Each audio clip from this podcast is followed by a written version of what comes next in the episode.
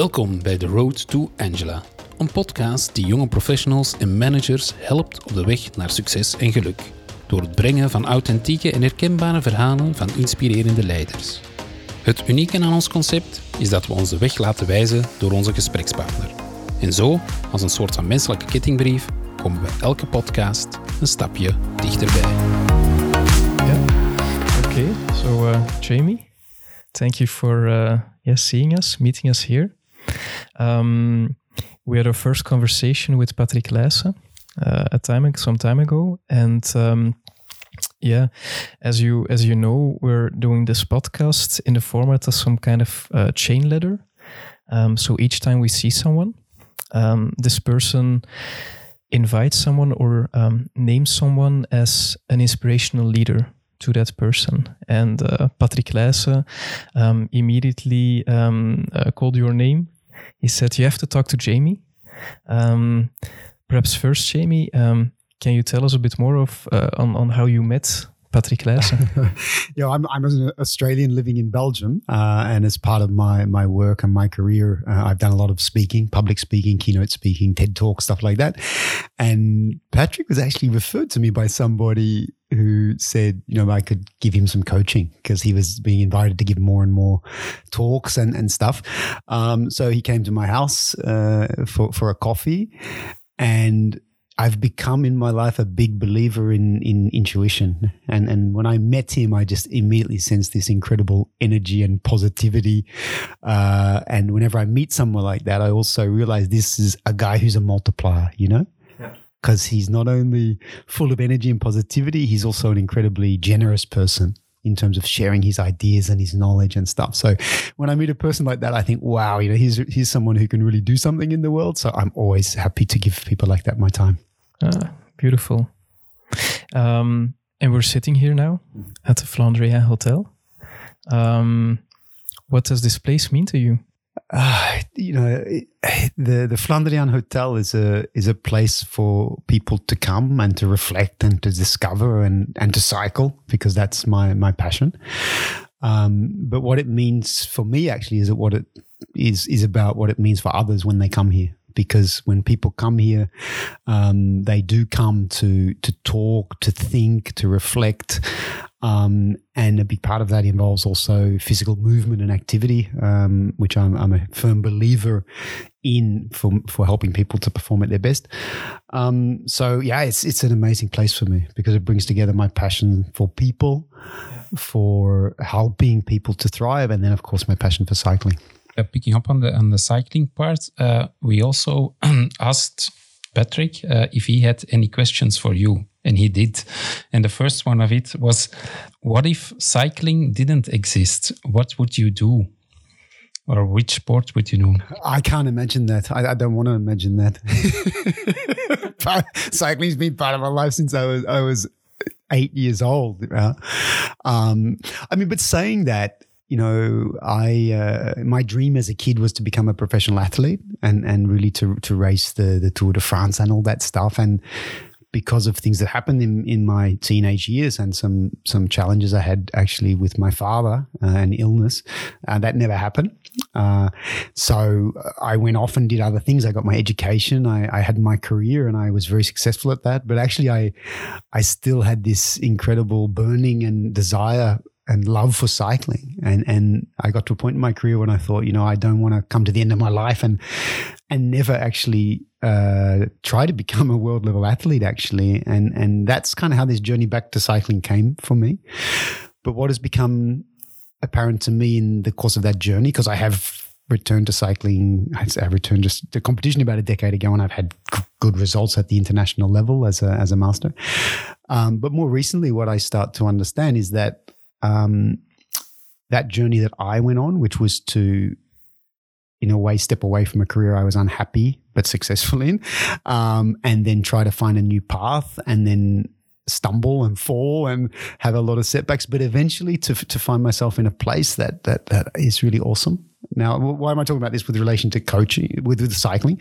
Um, what would I do if I wasn't a cyclist? I, I think I would be helping other people to focus on having that self confidence and self belief to find their path in life. So maybe I'd be a mentor or a coach, which I kind of am as well. Yeah. anyway, even without combined. the cycling. Yeah, combined. Now That it's combined Now it's cycling. combined, but it wouldn't have to be combined. Yeah. All right. Yeah. And maybe if we go if we go back to when you were eight years old, I'm I'm curious to know what or or who inspired you into the the cycling.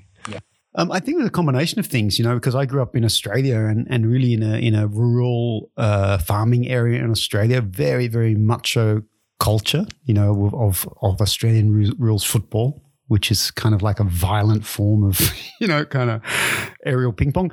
Um, but it's you know, I was a skinny, redheaded, freckled kid. I was far from macho in that in that kind of culture, so I wasn't good at those really physical, aggressive kind of sports. I was good at riding my bike, you know, and I started off with BMX and and you know that sort of stuff. And and I think as a kid, you you tend to lean towards what you're good at or what you have more natural ability in. So that's how it started. And then I was very lucky in the little town where I grew up. We actually had a really passionate cycling community. And out of that little town of about 15,000 people, we had world champions, we had Olympians. So, you know, I remember going along and then meeting these people and getting inspired uh, by by them as well, and then being encouraged into the sport. And and those world champions, who, who were, they? Uh, Um, we had a guy called Stephen Pate. He was a world champion on the track. Um, the brother uh, of a very good friend of mine, uh, a guy called Sean O'Brien. He was an uh, uh, Olympic uh, athlete. He lived around the corner from me. Um, Stephen Fairless was another world level rider. Richard Moore. So it was a little town, but uh, it, the, the cycling club was crazy because we had this little, little, really little rural town, and and they built an Olympic standard velodrome, you know, a track in this little village, and you would literally go to the track, and there was nothing around it. There was a shed and, and a dirt car park, and then we had this incredible facility. So I think that also, of course, when you have a facility like that, then it becomes a platform for talent. yeah, absolutely. Yeah, yeah. If the track is the village and the village is the track, then Exactly. yeah, yeah. Hmm. And and Jamie, what um, what brought you here in Belgium? Love. Love, yeah. I'm Australian. I didn't come for the weather.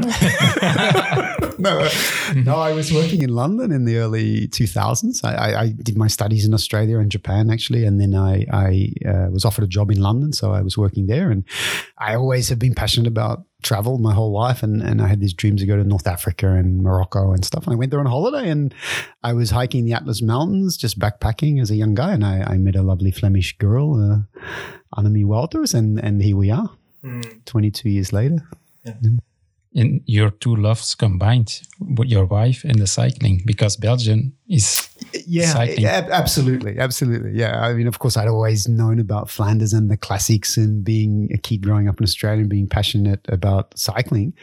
But if you had have told me that I would marry a Flemish girl and end up owning a boutique cycling hotel in the Vlaams Ardennen, uh, you know, 20, well, all those years ago, I could never imagine. Um, and yeah, th- but there's lots of these amazing threads that that kind of come together in your life sometimes. You know, like when I was a kid growing up in Australia, my big heroes were Phil Anderson and Allan Peiper. They were the first Australians really to race at the the top level of professional cycle sport. And and now Allan Peiper is my neighbor.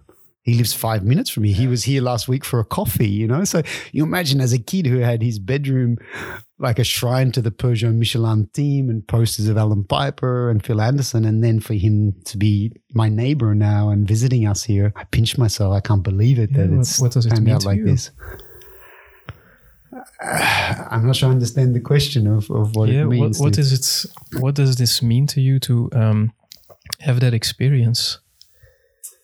You know, I, I think um, I grew up in a, I, you know, we I grew up in a difficult situation, you know, because um, I was from a big family. I had six brothers and sisters. Um, all of my brothers and sisters left school by the time they were fifteen because we we didn't have money. And when my dad was a musician and he was lots of other things, he had every job under the sun because he changed his job every three months. He was a complicated. He was a good man, but he had issues, alcohol and and and mental illness issues, and so. Um, you know, when you grow up in an environment like that, and we lived in what was called a housing commission area, like a, a housing estate for low income families. So the people around me when I grew up were blue collar workers. You know, they worked in the factory or in the fields, in the orchards, and and for some reason, you know, I always just had this bigger dream in life that I would go on and travel and experience things. And um, I think in, initially I saw cycling as maybe a way out, that, that it would give me that opportunity to come to Europe and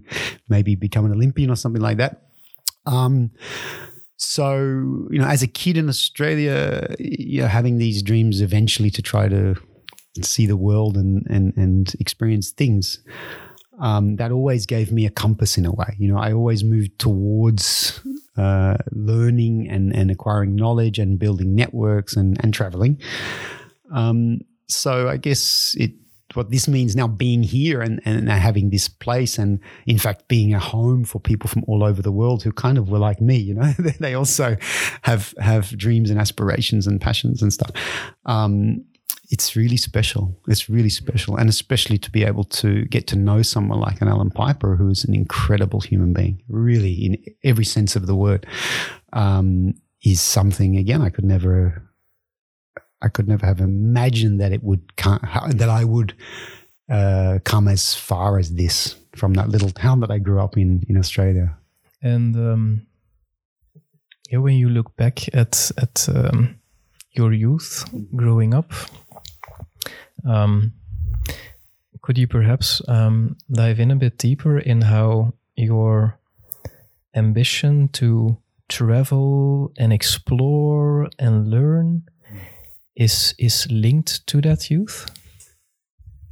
I, it's. I, I think you know, my parents were like I said. My dad was a complicated person, but he was a good man. He was extremely intelligent, really smart man but he, I'm not saying he didn't ever do anything with his, but he he couldn't focus, you know, and and he he had a big he was he he had a big ego in a way, and and he didn't listen to people, and you know that made life for him.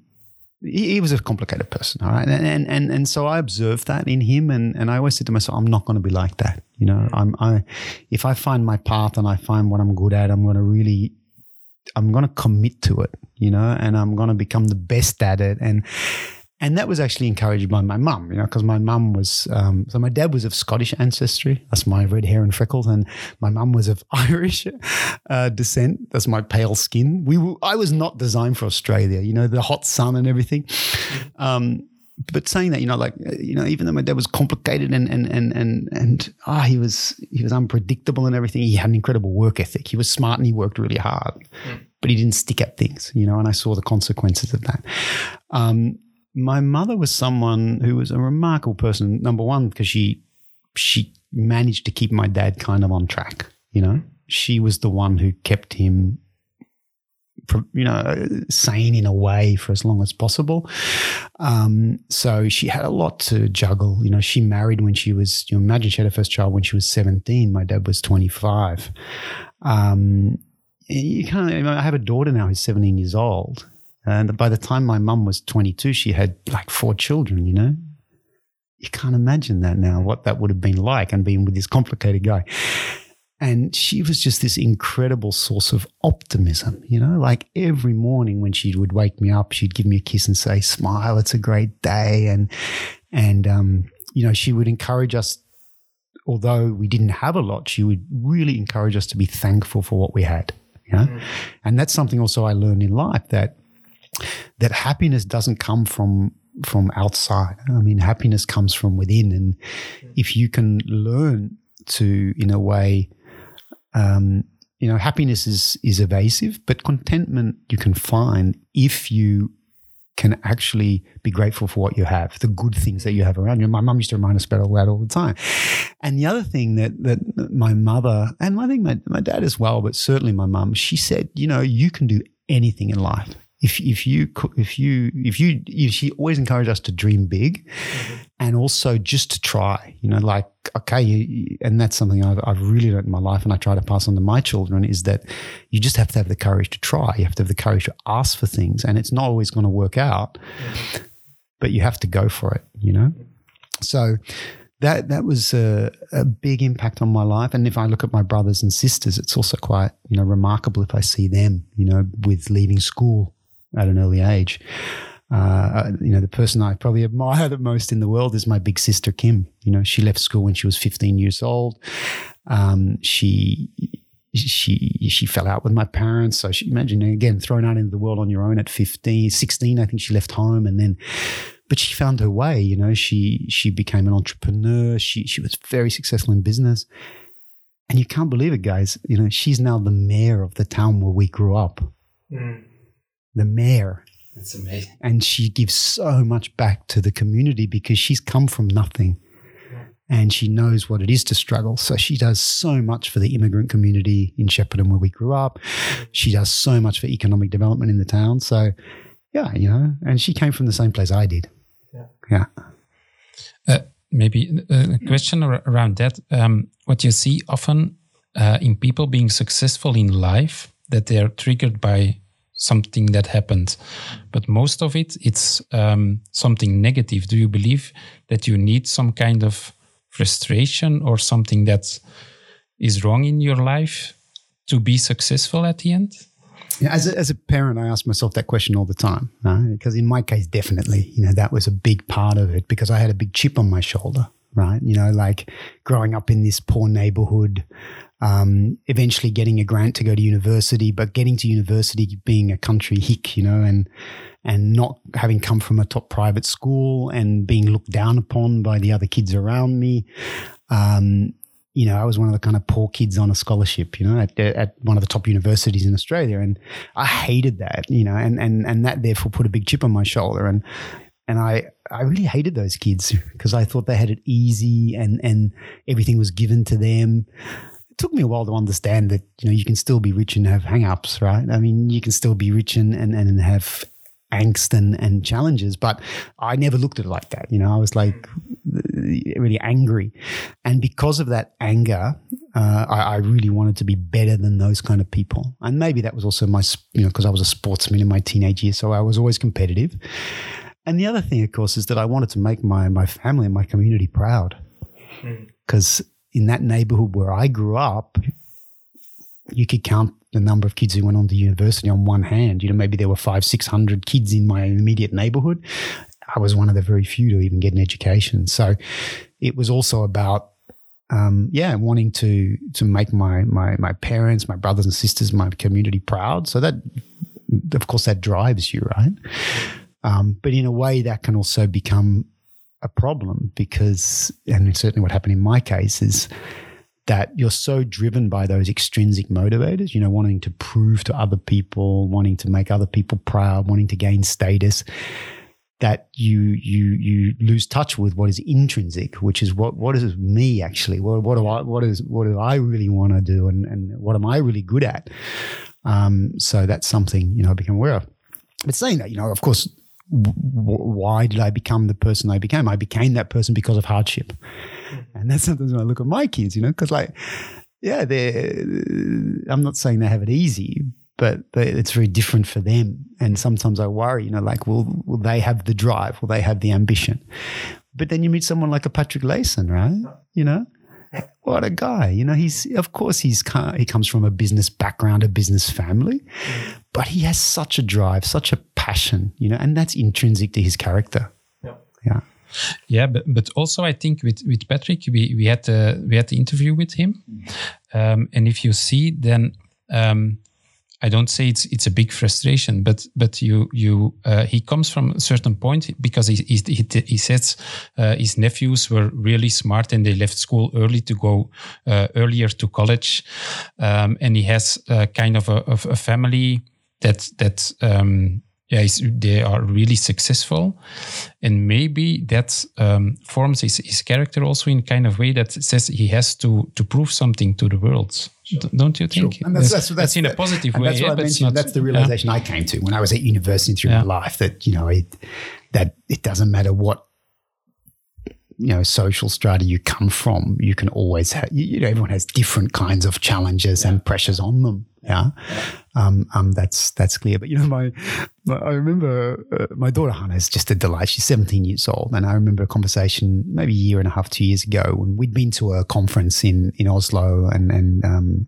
I, I, spoke at a conference. She came with me, uh, and you know, I'd given my talk and everything. And then afterwards we were talking uh, back in our hotel room and she said, Oh, dad, you know, I would really love to become a, a speaker like you one day. I'd love to be able to inspire people. But she said, you know, I'm not lucky like you. You know, I didn't grow up poor. I didn't have a dad with alcohol and mental illness problems. And, mm. you know, she said, you're lucky because that's, that gives you character. That gives you a story to tell. Yeah. And I laughed and I said, honey, you'll, you know, you'll, you'll find your story. You'll find your way, but it'll have to be yours. It's not going to be mine. Yeah. And, and we're all, all of us are the products of our experience. And all of us have had different experience. But whenever I meet someone, you know, and I love the quote, I think who was it? I can't remember who was it by, but there's a lovely quote, which I really believe in, which is, you know, there's no one you couldn't love if only you knew their story. Mm. Huh? And that becomes very important in life because all too often we go through life and we meet a problematic person or we meet an angry person or whatever it might be and we think they're a bad person. No, they're not a bad person. Maybe they've just had a had a different experience to us. And often when you dig deeper and you really get to understand and empathize with that person, you do understand. And then you can use that as a foundation, often for a very good relationship. Not always an easy relationship, but a good relationship. Yeah. Because you understand each other as human beings. Yeah. Yeah, it's also it, it, it links to the the concept in psychology of victimhood and perpetrator and, and really trying to understand that often perpetrators are has been have been as well the victims. So uh, um, I, would like to go back to the the moment that your daughter um, told you you are so lucky. Um, you you told us you start laughing, but how did it really feel to you at that moment? Someone telling you so mm. close to you but you were so lucky, lucky. Yeah, but that's how I um, that's how I raise my children. You know, and and I think if you were to talk to my kids and ask them who I am as a person, they would they know my story. They know everything about my childhood and my my struggles and everything. Because I've always thought it's very important for them to understand that as well. Because I'm not I'm imperfect. Uh, and when also not only you know when your children understand what has shaped you, it also creates a very different relationship. Mm-hmm. Yeah? But it also creates, I think, on behalf of my children, I, have got they love me, but they also respect me because they know my story. Mm-hmm. Yeah. Um, so yeah, when she said that, I mean, you know, we we both had a bit of a laugh, and and she she you know we we reflected on it. Uh, but I think that's really really important, you know, in in relationships that that often we know more about our friends than we do about our parents mm-hmm. in terms of what shaped them and who they are. And there's another aspect to that, which is that I, I really do believe that, you know, that imperfection is is human. And all too often, especially with our children, we try to project some some facade of of perfection or some facade of so uh, I've never tried to do that. You know, I've always tried to be very authentic with my kids to tell them my story, where I come from, um, and also to communicate to them when I fail. Uh, okay. Yeah, because again, what I learned and what I observed in my life was that failure is such a critical part of your development. And when a parent comes home every day and the kids say, "How was your day?" and they say it was great, when actually it was shit. You know, something went bad. You know, they, you know, they got shouted at at work or they made a mistake or they screwed up. I do that all the time. So when I do, I go home and I tell my kids, you know, I messed up. And that also, I think, is super important no? because I see that then evolving confidence in my kids that, yeah, they have, they can fail, they can have setbacks. Mm-hmm. Yeah. Yeah, that's nice. Yeah, we were talking in the car as well about the importance of people feeling safety and trust. Mm. And um, yeah, I can imagine that you as a father um, showing that vulnerability and sharing those failures, mm. those learnings, it creates something for your children. Yeah, I think so. I mean, it's um, yeah, I, I would hope so. Yeah, and but but more importantly, um, and I see it. You know, my my son now is nineteen, my daughter's seventeen, my my little one is is not so little anymore, but almost fifteen. Um, I, I think they've they've got quite highly developed sense of empathy. Yeah, yeah. I mean, give you an example. So, uh, my daughter, my, my three kids were in a restaurant in Antwerp um, a few weeks ago, and they were sitting at a Chinese restaurant, noodle noodle, having their noodle soup, and a, a young African kid walked in um, and asked for a job. You know, he's looking for work. And they observed that, and then he left. And, and Hannah said that my, my son, Reese, he got up from the table, he went outside, he approached the boy and had a chat with him about why he was looking for work and where he was from. And then he said, Well, actually, you know, I know that there's a bakery in the, the village where we live and they're looking for staff. And there's also, you know, a restaurant nearby and I understand they're looking for people. And he gave the kid his number, you know? So how many teenagers would do that? Would see someone walk in from a different ethnicity, from perhaps an immigrant background, uh, you know, but to, to actually take accountability and stand up and say, I can do something here. Yeah. And that's always also what I've educated or tried to pass on to my, and I'm saying I, it's my wife and I, we, we share these values is that, um, yeah, you have to step up in life. Mm. Yeah. You shouldn't be passive. You shouldn't sit, sit back and see these things pass you by. Mm. Um, and that's because what I've also explained to them and how, well, they've, they, of course, I think they understand it. We're all too quick in Western cultures, you know, to, to look at the other whether that is a, a, refugee, an immigrant, someone from a different ethnicity, different culture, different religion, and we make a judgment, mm-hmm. you know? And therefore, sometimes we don't give those people chances or we don't support them or help them. They do become the other. Uh, and, you know, what I understood growing up in the environment that I grew up is you, you can never judge someone because of the school they went to or you know the yeah the house they live in or the color of their skin because the other thing about where I grew up was that it was we had a very big immigrant community because it was a rural area and we had a lot of people from you know from from from Italy, Greece, Yugoslavia, former Yugoslavia, Croats, Serbs, you know. And yeah, they were you understand that people are people. Everyone has talents and abilities. Um, and and therefore we have to always be willing to engage in a dialogue with another person. Yeah. yeah? Really try to understand, yeah. listen to someone's story. Yeah. Yeah. Mm. Absolutely. Yeah. Um, I want to go back. Um, you you told us about um, the difference that you realize between intrinsic and extrinsic motivation. Mm-hmm. Um, can you take us back to a moment in life that helped you make that switch that you, a moment where you really realized this is what it's really about yeah gosh i mean i'm still working that one out no no yeah look i think it did come to a it come to a it's it was in my you know like, like when I, when I got in so my story was you know my, my father had had when I was 17 years old he had a complete breakdown. So the alcoholism he was always had a tendency I think towards mental uh, health issues but that really manifested itself when I was in my late teens. So that was a it was a, it was a horrible experience you know and and to see him go into complete decline be institutionalized eventually he took his life you know when I was when I was 20 um, it was a real shocking thing, you know, and, and, and it also, in a way,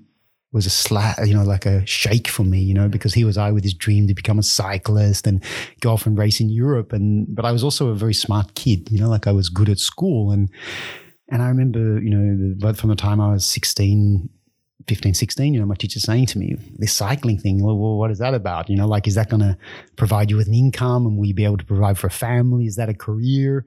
And I would go home and I would look at the mess that was my family situation. And I started to really have this anxiety, right? Like this mm. stupid dream to become a cyclist. What is that? You know, like, I don't want my kids to grow up like I've grown up, and I don't want them to experience this instability and financial hardship and stuff. So I, so eventually, you know, and, and as my dad's illness really manifested, I said, okay, you know, I, I just go for my studies. I go for academia. And that was encouraged by my teachers and those around me, you know, but it was also heartbreaking for me because it wasn't really my chosen path in life. I wanted to be an athlete. Yeah. But level headed, I said that's what I should do, you know, and especially when I was able to finish high school, I got offered a grant to study at university. None of my brothers and sisters had that chance. So I, uh, that's what I did. And then you say, well, what am I going to do? What am I going to become? Mm-hmm. Because I come from a family where my dad's a musician, janitor, cleaner, storeman, everything. My mum's a housewife. Everyone who lives around us, as I said, are working in factories and fields. I've got no role models for career. The only role models I had were my school teachers. So I said, oh, okay, I'll become a school teacher. I got to, I go off to university. But then I got to university and you know, I looked around and I said, well, who's making the money? And, you know, where, because I was ambitious and I wanted to make money. And then, of course, eventually that led me into economics and business. And uh, that's where I ended up, right? As a business school professor eventually yeah. after 10 years. But why did I become a business school professor? Because that was kind of the highest status, highest paid kind of career that, that I saw when I was at the university because the business school professors were the ones who got paid the most and had the nicest cars and all that. So it wasn't like I was passionate about business, so I want to go there. I said, no, that's that's what I want to be. And why strategy? Because when you go into business school, strategy is one of the most prestigious disciplines. So I said, well, that's where I want to be. Um, so, so where I'm going with that is that you can you can go through life and and then you make these decisions but you're making decisions based on the logical parameters like income and and and career progression and status and everything. You're not making those decisions because it's what you're passionate about or what you mm. feel a drive for. Because often you don't know actually when you're a kid when you're in that age. So you know, I went through that, and then I, you know, I, I, became an academic, and then I was teaching one of the top business schools in the world, and and and I was traveling the world, and I was publishing all the top journals. I was making loads of money from consultancy, and that's a really weird experience, you know, because like I was in my mid thirties, and everyone around me is looking at me saying like, "How awesome is your life?" Yeah? Everyone's saying you're so lucky. Like I would love to have your job, your life, your job, and and and and you know, and also what you do is you put on this facade, you know, you put on this face where outwardly you're also projecting happiness and liking it and stuff, and I, especially to your family and friends. But maybe on the inside you're dying because you hate. I hated my job. I hated the environment I was working in, and and yet I was projecting this positivity about what I was doing. Yeah. Um, and that's sort of where I started to come to the realization was in my late thirties is, is I was, I was, well, according to, you know, many criteria, you could say, okay, I'm, I'm very successful, but I was also deeply unhappy. And that's where I started to realize this, you know, this can't go on because also what happens then is that as as you go through your life and your career, you know, particularly when you're driven, you know, you're you're reasonably intelligent, um, you're you, you get you get spotted, you get patted on the back, you get promoted, the doors open in front of you because every because you're a high achiever, right? So that's also what starts to happen is you start getting further and further further into your career, but most of the doors are being opened by other people. Come this way, come this way, go that way, go that way. And often we don't stop and ask ourselves, well, what is it that we want? And what you see a lot in this world of ours is you see people in their late 30s, early 40s who've got to a position in life and they look around them and say, What the hell am I doing here? This is not what I want. Right. And that's what happened to me. That's what happened to me. Yeah. Yeah. yeah. And was there a, a particular moment? Yeah, there was there was there was a there was a few, but you know, the thing that I started to realize as well is that because of the bubble I was in, which was this top tier business school bubble, it's like being in a top tier consultancy firm, right? And it's not just about the publications and all that. It's it's also about the um, the pressure to perform. And so, in addition to having my professorship, I had my own consultancy company because remember I was obsessed making money, right? So I was I was doing consultancy. I was a specialist on telecom strategy and, and route to market in, in in complex operating environments. I called it. So I was doing consultancy projects in India, Nigeria. Uh, I was traveling my, my, wife used to joke that she called our, our our apartment Hotel Anderson because I would come in from one project, give her a kiss, say hi to the kids, pack my bags, and be leaving again often. And you know, and it's it's weird, right? Because like I, I got a kick out of that for a while, you know, like in my early 30s, but then I became a dad. And then by the time I was 40, I had three children under the age of six. You imagine, little baby and two toddlers. And and then you, you know you, you, start to think, well, why am I doing this? Right? Like, why am I working so hard? Why am I so driven? It's because I was messed up as a kid, right? Because when I was a kid, uh, because of the experience I had, I was obsessed with making money mm-hmm. and being able to provide for my family and and and being recognized and having status and, and not being seen as that country bumpkin from the bush. Or I got all that. But then what's the purpose of that? The purpose of that is to be able to, in a way, I think, you know, when, when we talk about earning money or getting to a, it's, it's about then freedom. Mm-hmm. Right? Because that's one thing I do believe. You know, people say you don't need money. No, okay, you, it's not like you need billions, but you need if you want to have a good life and you want to be in control of your destiny and have independence and autonomy, then a bit of money helps, right? But I got to that point, but then I didn't stop. You know, my wife was kind of thinking when's that when I get to this level and and stuff that I would slow down, and but I wasn't. The pendulum kept on going. It kept going because because mm. it, it become habitual, mm. and to be completely honest with you, there's something else which people don't really acknowledge or share is that when you're a high achiever and you know you go to work so i walk into the business school or my consultancy and everyone looks at you like you're a hero and you're a star and you know you're in demand and and and you have cool dinners with people the ceo of the bank or the you know the the, the telecom company or whatever. And then you go home three screaming children with dirty nappies and bottles and and you're a complete loser right? because you're not in the habit of doing those things. So at work you're a hero at home you're a loser. So what do a lot of people do? They run away from home huh?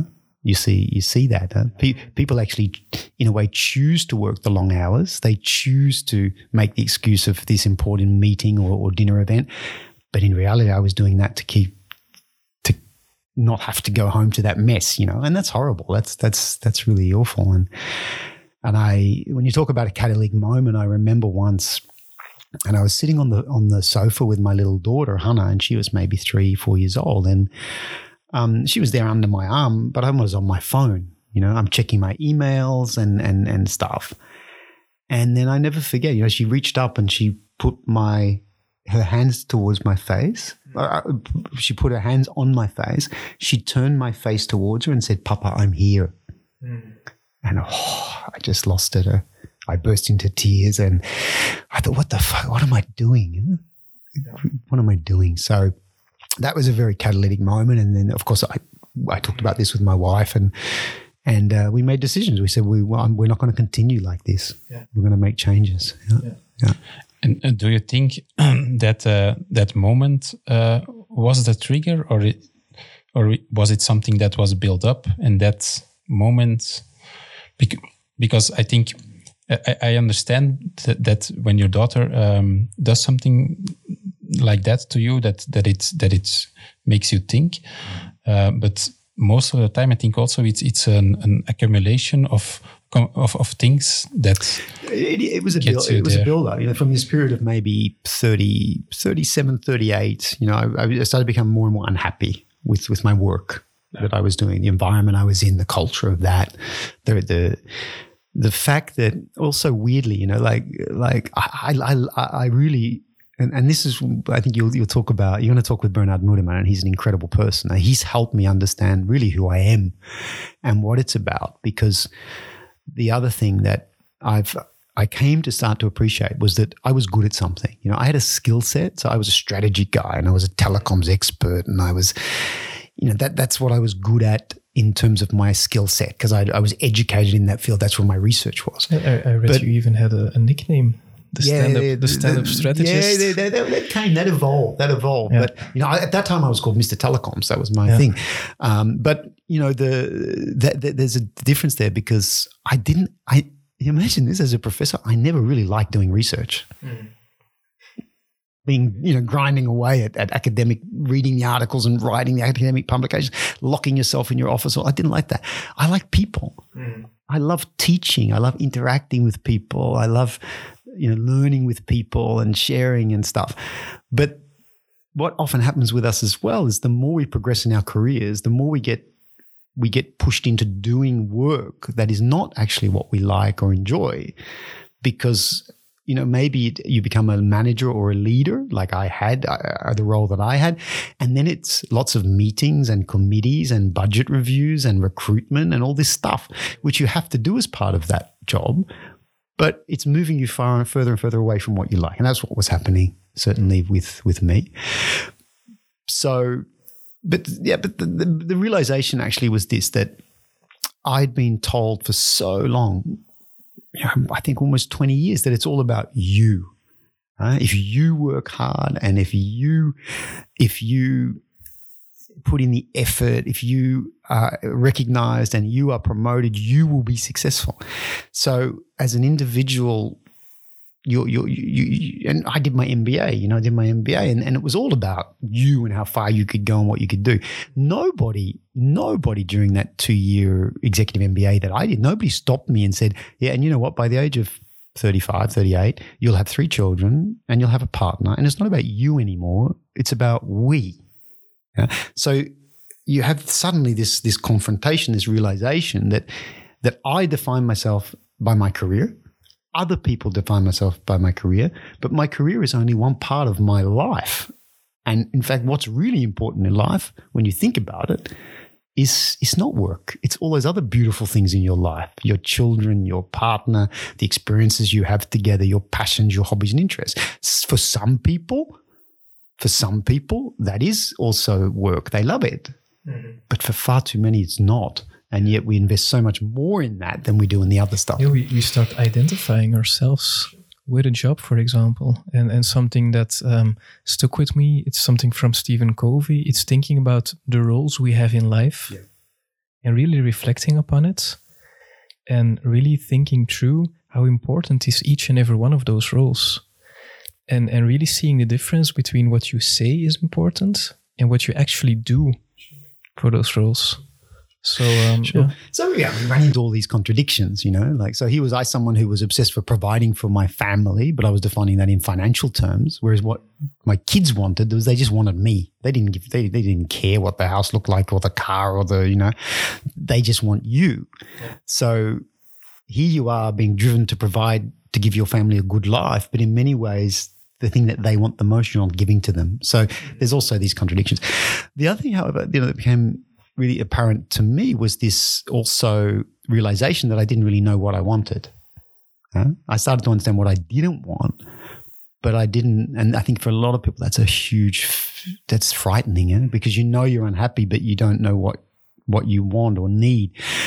However, there's a reason for that because when you're running so fast and so hard, you don't make the time for introspection and reflection. Huh? You're just not making time to really think and and it takes time. It takes time. Huh? It takes time. So, and that's why you know, with my wife and I, we eventually decided, you know, we we sat down and and what we talked about was contentment. You know, like mm-hmm. like not me and my career, but what would a good life look like for us as a family, three years from now? You know, what would that look like? And it was very interesting because that picture was very different. It was, you know, it was, it was a simple picture, but the the realization was that when you start to say, well, what's the priority? Okay, my number one priority, I want to be a good husband and father. Number one. All right. Number two priority, um, you know, I want to we, we want our children to be able to grow up like we did, you know, to run and be in nature and, and to have freedom and not live in a big city in an apartment block and all that stuff. And we want that for them, you know. And and the other thing that I started to understand more and more was that God, you know, I still had this fire in my belly for my cycling. Even though I hadn't competed for 20 years, I still watched the Tour de France every year, watched the classics. I still had this this real fire for my sport. And I thought, why, you know, I cannot come to the end of my life and say, I wish, you know? And and it was really because I spoke to my, my, wife, never realized that I was a top sporter. You know, she never knew that I raced national level in Australia and everything because that was a part of my life I kind of put aside, you know? And then I started to talk to her about that. And she said, Well, you know, so that was also part of the picture, you know, like like what about I, I start cycling and maybe start competing again and and then the realization was that if we wanted those things, it was incompatible with the career I had at that moment. Just incompatible because when you're working 68 hours a week and traveling all the time, you can't have everything. Um, so that's when we just, I, I, uh, after she and I sat down, we talked about that. I, I, went into the business school I was working a few days later and I resigned. Okay. um, yeah. What I think is beautiful is that um, sometimes also from um, positive psychology, and people do those kinds of exercises with their teams. What do we dream about? What vision do we have? And they start visualizing. Um, what I think is amazing is that um, when we talk about personal things, we do that on our own. And now you're telling about an exercise you did together with your wife. Yeah, that's essential because it's it's we. And if you look at the horrendous divorce rates, not just here in Belgium but worldwide, why is that? It, it, you know, a big part of that, and a big part of that happens often in 30s and early 40s, is because these paths diverge. Mm-hmm. Yeah, you know, the, the wife realized this guy's obsessed with his career. He's giving us no time, or you know, the, the the whatever it might be, and and and that's something when I mentor, when I when I some people, I'm off, people often reach out to me and say, you know, let's have a talk, or I'm, I'm in a in a bad place. Um, in every discussion I have, it's about the we. I ask them about their partner. What are their expectations? What are their dreams? And it's incredible, actually, when you go through that exercise with someone and they say, you know what, I don't know. We've never had that conversation. We've been married for 10 years, but we've never actually sat down and said, what's a really good life for us two or three years from now?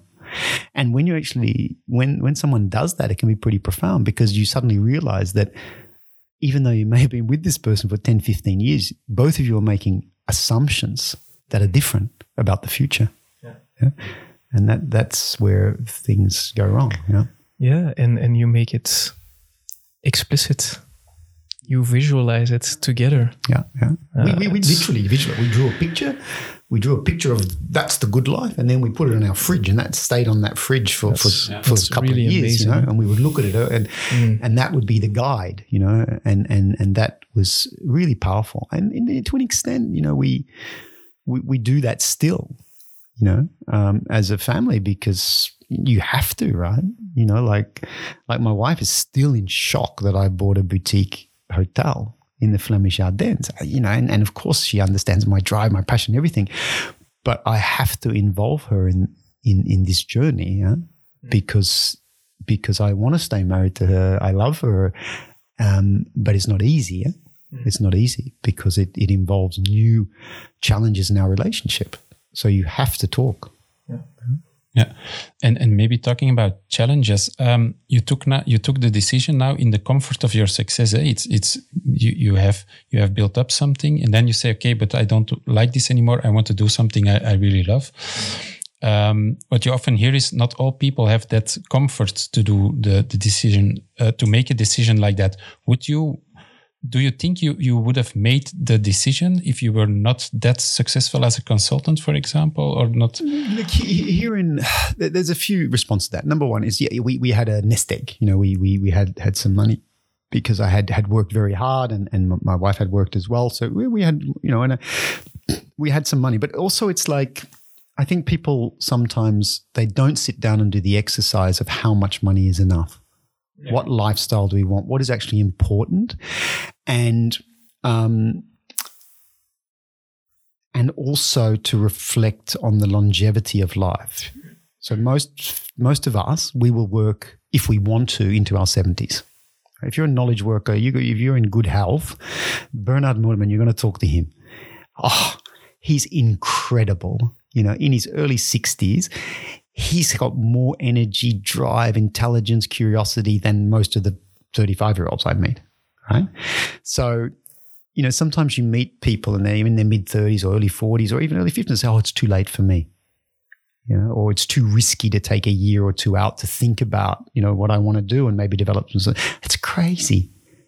It's crazy, especially if you're in a double income, which is the case certainly here in much of the Benelux, as husband and wife is working. So um, it's more the fear of the unknown than actually the financial challenge. Most people can afford. You know, and again, it comes to your lifestyle, right? I mean, my wife and I, because we also didn't come from wealthy families and stuff, we always lived quite frugally, even though we had a, a decent income.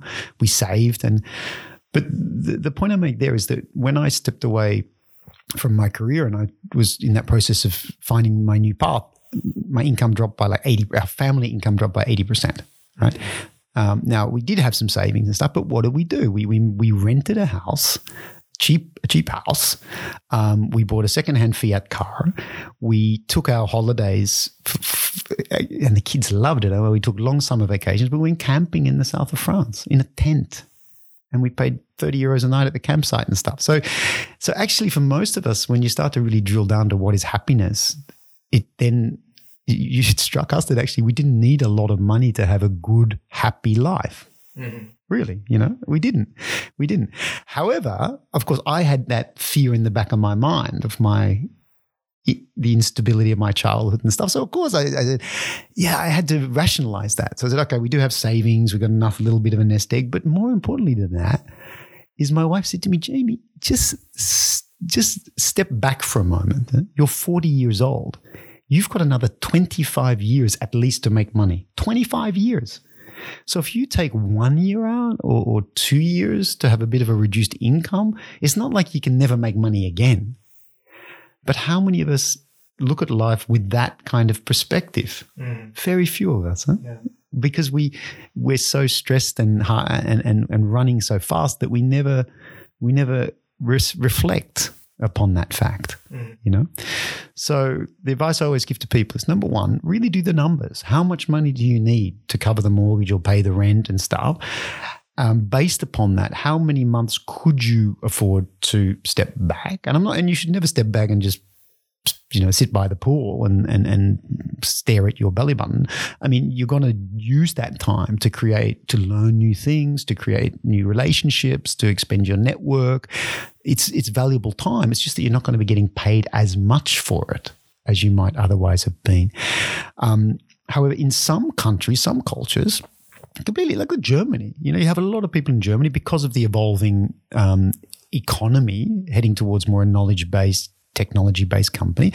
The German government and, and the German, German culture fully accepts that often people in their late 30s or 40s go back to school. They go back to school. Why? Because you're then building a platform for the next phase in your career. Because in your 40s, you're only halfway there. Mm-hmm. Right? However, in a place like Belgium, when if you were to say to your friends, family, oh, I'm going to take a year, a year and a half out. Ooh, that's risky. Why would you do that? You know, this and this and this. It's not part of the culture. Yeah. Yeah. It's so recognizable. uh, it's really recognizable. And I, have mm-hmm. been going through that process as well. And also, as you say, um, when you really want to leave that golden cage, do not just do the maths in how much, how many months you can um, you can um, go further based on that same income. Hmm. You first have to do the math. What do I really need? Yeah. The absolute minimum, yeah. and adapt to that. And um, what I also uh, take away with me, what you said earlier on, is um, that moment that your wife tells you, "Go for it. Mm. I'm there. Mm-hmm. I'm supporting you." Yeah, and uh, th- but that's a that's that's that's relationship that, that that comes from a process of dialogue when you start to really understand and she when she started to understand how what number one she, i think she even didn't realize how unhappy i was because I was very good at faking that I was happy and satisfied. So that also came as a revelation for her. Uh, but it is it's a discussion and dialogue because of, of course she she also wanted things. You know, because of my career, she'd been at home with the children uh, she wanted to get back to work. She's really passionate about what she does. Um, you know, my wife teaches Dutch as a foreign language, so she works with people on on social integration, learning Dutch, but much more than that, making a life for themselves here in, in Belgium. So she really wanted to get back to that. She she really loves that. So whatever my decision, it also had to allow her to do what she wanted to do, and that's why I said you have to have this as a mutual a mutual discussion. Um, and and yeah, that that that that that brings you places. But yeah, the money thing is a really curious one, you know, because again, you talk about intrinsic versus extrinsic. Yeah, you know, when I was at London Business School, I bought a Cartier watch. Why did I do that stupid thing? I did it because I wanted to show to other people my status mm-hmm. because the guys in the department they had one too, right? So I made sure I bought the one that was slightly more expensive than theirs, so I could show off. There's these things we do, you know, whether it's the car we drive, the the, the vacations we take. How much of that is really intrinsic. We do it because we really want, really gives us pleasure versus we do it because we want to show to others something. And, and that also came as a realization. You know, um, my wife once said to me, you know, she said, why do you feel it important to buy things that you don't need to impress people you don't even like?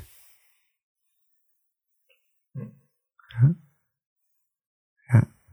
And uh, yeah, so I still have my Cartier watch and I wear it to remind myself how stupid I was. huh? Mm. And it has gotten a better purpose, actually. It's got a better purpose. It's a good purpose now. Yeah. And of course, my kids say, Dad, if you don't want it, you can give it to us. Yeah. because, and that's, another, that's, that's actually another funny story. Because I remember my son Charlie, he's, like, he's almost 15 now. It was like, it must have been 18 months, two years ago. And I was putting him to bed and I was lying in bed with him. We were having a chat, you know, and and um, I was explaining to him that that I was going to be busy. You know, I was actually coming up to with some just pre-COVID, so two years ago. Just I was going to start my keynote speaking tour that I do sometimes in the spring. Um, I was saying, look, I'm going to be away for a while, and then he said, Dad, you know, it's all right. You know, you spend so much time with us, and and you you you have spent so much time with us growing up. And it was very nice what he said. And then we had this discussion, you know, about about the the summer holidays we used to take and how we used to, you know, we did this for a period of five six years when the kids were small and they still wanted us to be around. Every summer we would have two full months of vacation. And we'd pack the car and we would just drive wherever the sun was, France, Spain, whatever.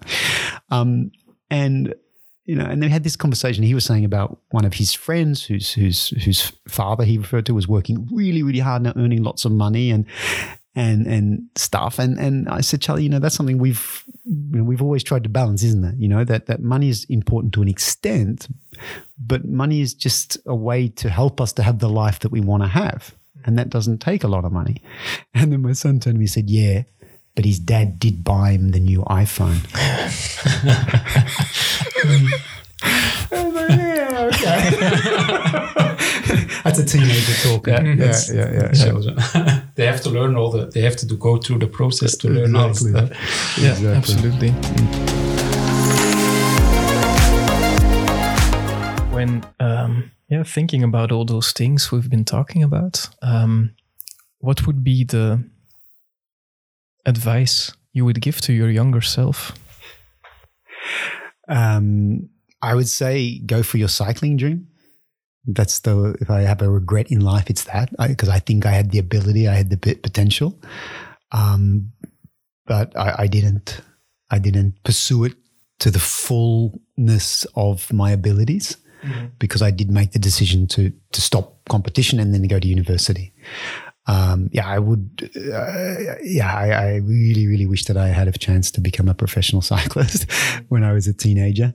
Um, but that's that's passed by, you know. So my advice there is, if you're a young person and you really have a passion, you really have a drive to do something, then do it.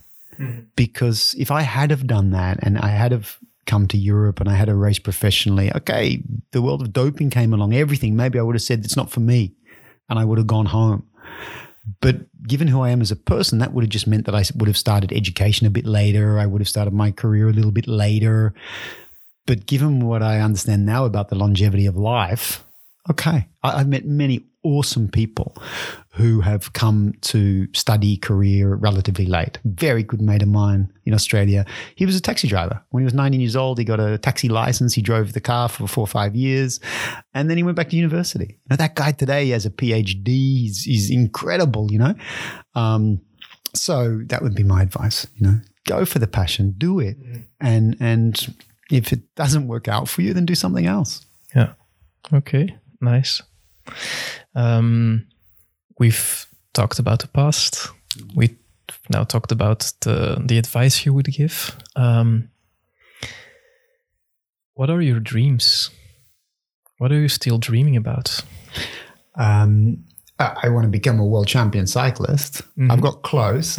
Yeah. I've been on the podium uh, at the world level, and and uh, yeah, the, uh, I've been European champion in 2019 for my age group classification. Um, yeah, so I want to be a world champion, uh, but it'll take. But I'm not in a hurry. I'm really not in a hurry. I, I, I was I raced the world track championships on the piste in, in Manchester uh, back in 2019. It was my first time to go to an international level track championship because mostly I've been racing on the road. And I met an incredible guy called Keith Oliver from Australia. And he was 75 years old and he took three gold medals at that World Championships. Wow. And I never forget. So Keith watched my race. I finished 10th in the in the World uh, Points Championship uh, at, at that games. And yeah, I remember Keith coming up to me afterwards and saying, you know, good job, Jamie. And he said, if you keep on this path, if you keep doing what you're doing, you could win a world championship within the next 10 to 15 years. Great. Fantastic. Eh? Yeah. Fantastic. So I'll get there, but I, got a hotel right now. You know, I'm busy with the Flandrien, and that's my baby and my dream and the thing that I'm getting a lot of drive out right now.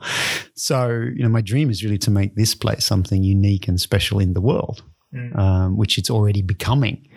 So, and, and to have this as this place for people to come and, and to, as I said earlier, to talk, to reflect, to share, to grow, to ride their bikes. You know, that's what, what, what my dream is for this place. Okay.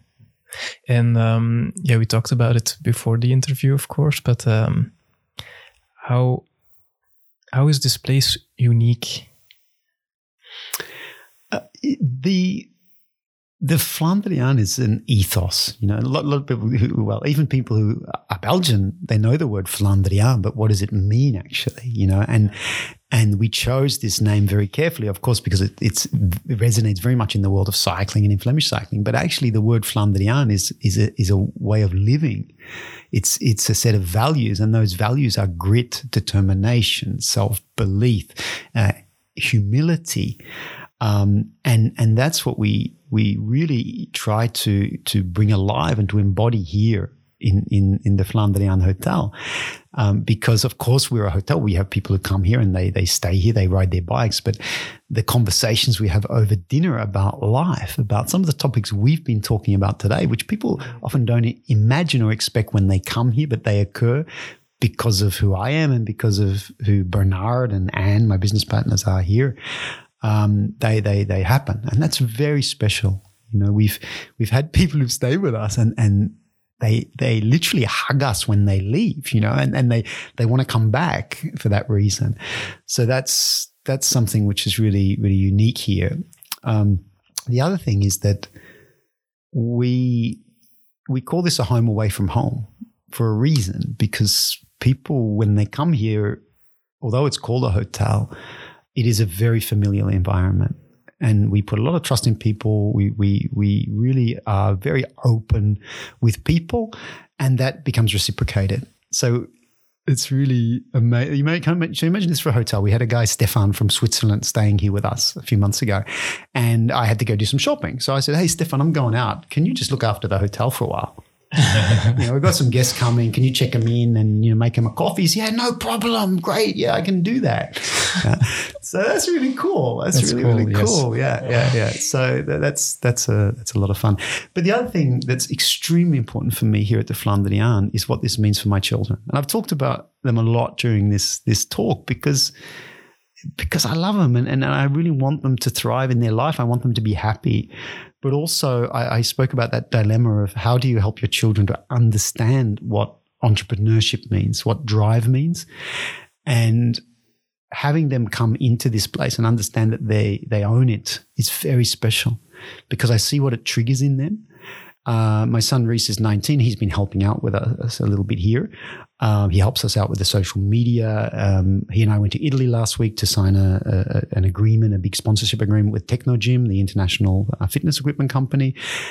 As a dad, I can't tell you how that cool how cool that feels. Huh? Yeah. Walking into these meetings with with a global company, with my son sitting beside me, him being involved with the conversations, I just see him growing as a person. But equally, he's been here with me when I've been serving at the bar, cleaning the dishes away, mowing the lawn, uh, that you know, doing making the beds if we have to sometimes because it's not always easy to get staff in this part of of, of Belgium. Um, so he actually understands also that being successful in business is not just about having a cool idea. It's all about it's also about rolling up your sleeves and doing the hard work that needs to be done. Mm. Yeah we had a we had a we, we also uh, welcome leadership teams here. So we have, a, have have leaders that can be general managers, it can be senior functional level people who come here with their teams for their team buildings or their strategy retreats. They stay with us for two or three days. Uh, we had one of those here with a big uh, IT services company. So the Benelux leadership team was here. And um, they and I was working really hard when they were here. Now again, they they perceive me as a professor, a speaker, you know, this and that. And they saw me working really hard. You know, I'm behind the bar, and you know, I was I was uh, in the kitchen and stuff. And one of the guys from Luxembourg, um, uh, he said to me, he said, "Jamie, you work really hard, you know." And he said, "Don't you have staff?" And I said, "I said, Peter, you don't get it, do you?" And he looked at me, and I said, who am I working beside? And then he got it because I was working beside my son. Yeah? And I said, Peter, I'm not, I'm not doing this because I can't afford to pay someone 15 euros an hour to do what I'm doing. I'm doing this to show to my son what work really means. Yeah. And, and that's part of the problem. When, when kids come from privilege and they get a university degree, they walk into an organization maybe at a higher or mid level already. They don't really understand what it's like to be frontline, to be a manual laborer, to be blue collar. My son does now because he's done that kind of work. Yeah. Uh, so that is also really, really important for me, not just for the guests we come, the business people who come, but what it means for me to pass on that spirit of entrepreneurialism to my kids. Yeah. Okay. And is that in kind of way that is what you is that what you are uh, willing to leave behind as a person? Is that your legacy that you can, um, or at least I think it's something you want to to leave behind for your children, or? Yeah, to be honest, to be honest, uh, you know, I, I don't, I don't think too much about legacy. I don't know. I, I don't, you know, because I'm a small fish in this. I'm a little. I mean, if you think of people out there in the world who, who've made a huge impact, uh, you know, philanthropists or, or, or you know, uh, I'm not changing the world in a way. I think with what I'm doing, I'm just trying to be who I am, and and with the people that I come interact interaction with and and meet. I, I just hope that I can have an impact on them. Mm-hmm. Yeah. yeah. So I'm not I'm not thinking ever about a big legacy. It's kind of a little legacy, yeah, in a way, and and that's but that's okay for me. You know, that's not a, a not a motivator. I'm saying that, you know, I have come to understand that there, there are these people in the world like the Bernard Moormans, the Patrick Leijsens, you know, the uh, Sean Rolls, a, a, good guy I've got to know who lives in in Sweden. Um, and I talked about these multipliers, you know, and that's what I start to understand that is powerful about this place, which is the Flandrien, is when, when we can bring people into this place and we can show them our authenticity and our genuine desire to help people grow and thrive, then what we also coach people on a little bit is how you can do it too. Because there are certain things you need to understand about the discipline of generosity, for example, when you're a busy person. Um, so we see that. We really think that we're creating a community and a culture here that really is, in a way, a multiplier. And we hope that becomes bigger, but I, I keep humility on that one. Yeah. I'm not, mm. I'm not, yeah. I hope that makes sense. So your legacy is perhaps also a bit that ripple effect. Uh, yeah, if you want to say it like that, I, I guess so. Yeah, mm. yeah, yeah. It's funny. Like if and again, I talk about my my sister Kim. She, you know, like, and I think about if I compare me to her, mm. I'm just you know, she, the things that she is doing for our our our community where we grew up, and I can't compare what I'm doing to what she's doing. You know, and and when I look at my sister, I think, well, what a marvelous legacy she will leave, mm. because I think she has. Yeah, I don't know. It's not about comparing, but it's I admire. If you could borrow one skill, competency she has, what would it be? Uh, her eternal optimism. Mm. Yeah. And she, you know, I talked about my mum, and I think she has that. I'm a pretty optimistic person, but she's even more so. She's, she's just an, an amazing person. Um, I think many of the values we have, we share because we had that shared experience together. Um, but also, you know, I'm someone. I, I, we we were always raised, always raised to think of of the other in terms of generosity. Mm. You know, I never forget when we were growing up, it was tough. You know, sometimes tough to get food on the table. But in our neighborhood, for example, we had living right next door to us, we had a lady with two children, single mum with two children. You know, we could be struggling to get food on the table. But my mum would always make sure that those kids had something to eat. Mm. Yeah. And and we grew up observing that, you know, that that that you have a responsibility. Uh, and and that's something which which I see in my sister completely. She's the most generous person, um, and I, I try to also try to to be as generous as, as possible with with with what I have, and that's not always financially, but it can be your time, your knowledge, your expertise also. Mm. It's great to hear when you say we grew up grew up observing that. Mm-hmm. And also reflecting upon the example you gave and you wanted to give for your son. Yeah yeah, yeah. It's it's we we as as as uh, you know, I, I don't necessarily shouldn't use the word leader, but for someone in a in, that that people look up to or, or admire or respect, we often take it for granted that we're always in the spotlight. Mm-hmm. And what what does that mean? And I say it here at the Flandrien. Um, with with my, my my kids when they're here, of course, with Anne and Bernard. I don't have to talk to them too much about it; they're very nice.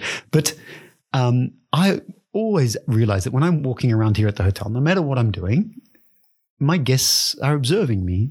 They're observing my energy. They're observing my interactions with Bernard or with Reese or with the other guests. And so I'm very conscious of that. I'm always very conscious about the, the, the, the that ability to, to, to have a positive impact on people. And I think far too many people are just unaware of that. You know, we're unaware that our kids are watching us, that our team members are watching us, that our colleagues are watching us. And I'm not saying that we have to be fake or anything like that, but we just have to be aware. Yeah. Have to yeah. be more aware of that. Yeah. yeah.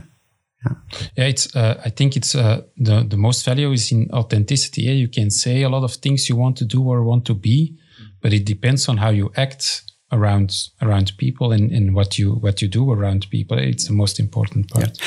Yeah, and that, that's that's something that took me a long time to to be comfortable with, to be myself actually, because I always had this extrinsic motivation. So I was always trying to be what I thought yeah. other people wanted Being me to be. Yeah, and honestly, even I I lied. I, I I didn't I didn't tell people about my upbringing. You know, when I was teaching at London Business School and in, in these, you know, in these big companies, I would never say that I was a poor kid who came from a housing commission estate and my dad was an alcoholic. You know, no, I wouldn't say that because I thought that would have affect the way people observe me negatively or something like that. Um, so you also see a lot of us that, you know, and I was certainly one of those people that I had, a, you know, I mentioned the chip on one shoulder. On the other shoulder, I had the imposter syndrome, which was, what the hell am I doing here? Mm-hmm. I'm not good enough to be here. I don't deserve to be here. When you combine a chip on your shoulder with the imposter syndrome, it's very difficult to be authentic. Yeah, yeah. you know? I can imagine. Yeah. that doesn't happen. Yeah. Yeah. yeah. It's also part of um, to be able to be authentic, um, accepting your past, connecting to your roots, and and being able to talk about it. Mm-hmm. It's an important step, I think. Yeah. Absolutely, absolutely, and and, and it's, um, yeah, it's it, it is also it comes down to ultimately the thing that I really believe in, and, and certainly the, the, the, philosophy we live here at the Flandrien, is we have what we call a no asshole rule.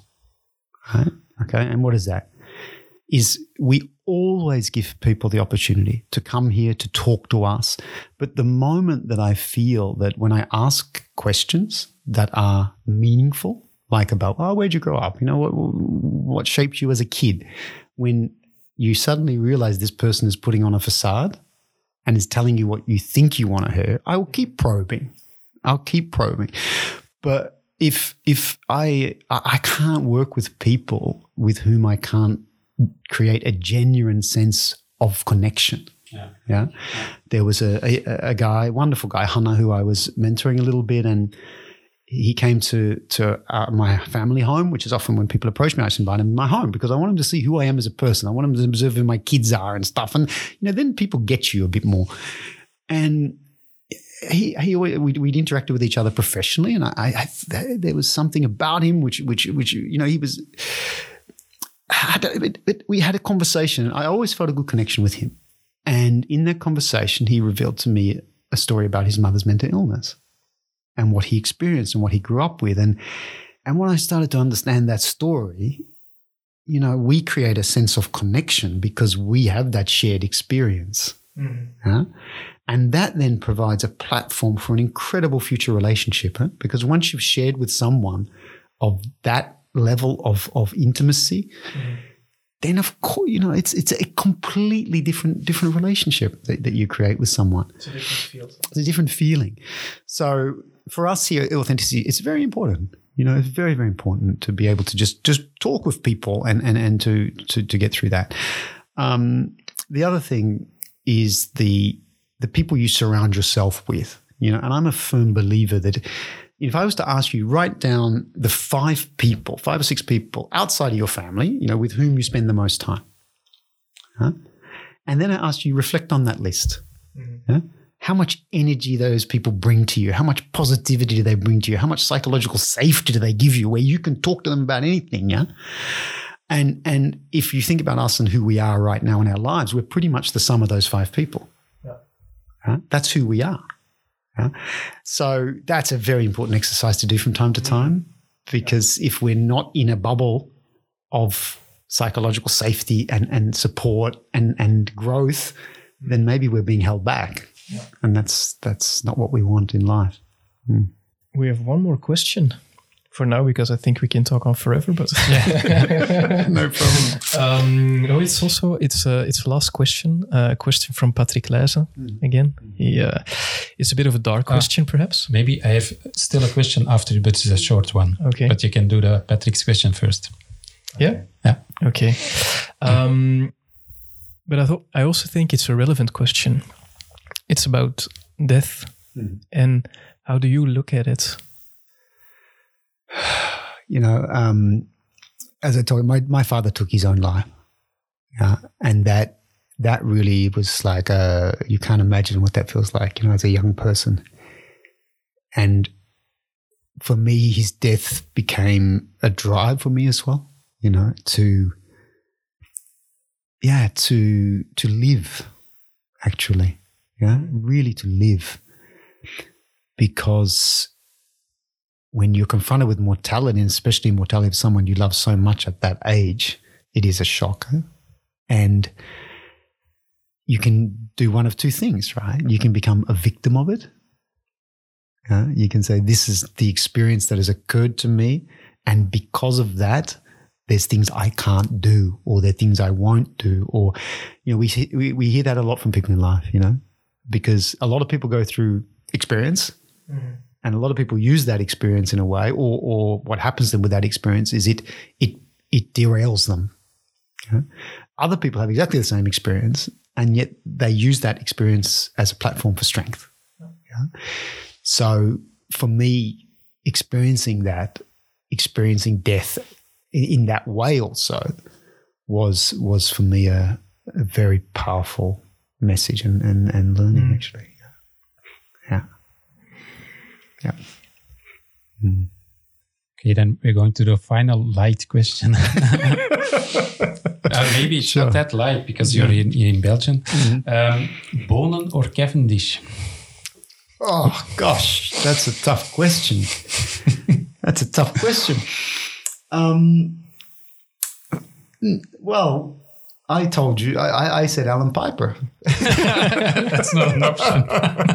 I said, no, of course, I, I, am a huge uh, fan of Tom Boonen um, because with Tom, he managed to keep humility.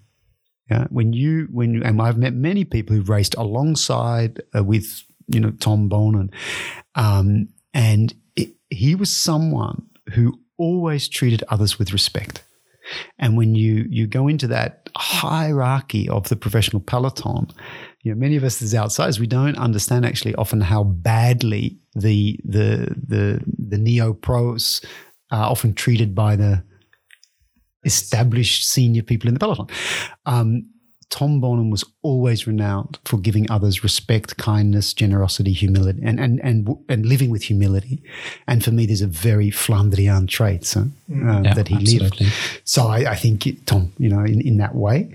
Um, and of course, the other thing is we, we we have one of Tom. We have a Tom Boonen World Championship bike here in the hotel, and the beautiful pop artwork of him as well. Yeah. Yeah. Okay. So uh, then we're at the end of the this episode, I guess. Yeah, thank you so Thank much you. for this conversation. Thank you very much, Really guys. Your sharings. Yeah. Thank you very much. It's a pleasure. Volg onze verdere avonturen in episodes via LinkedIn of theroadtoangela.be.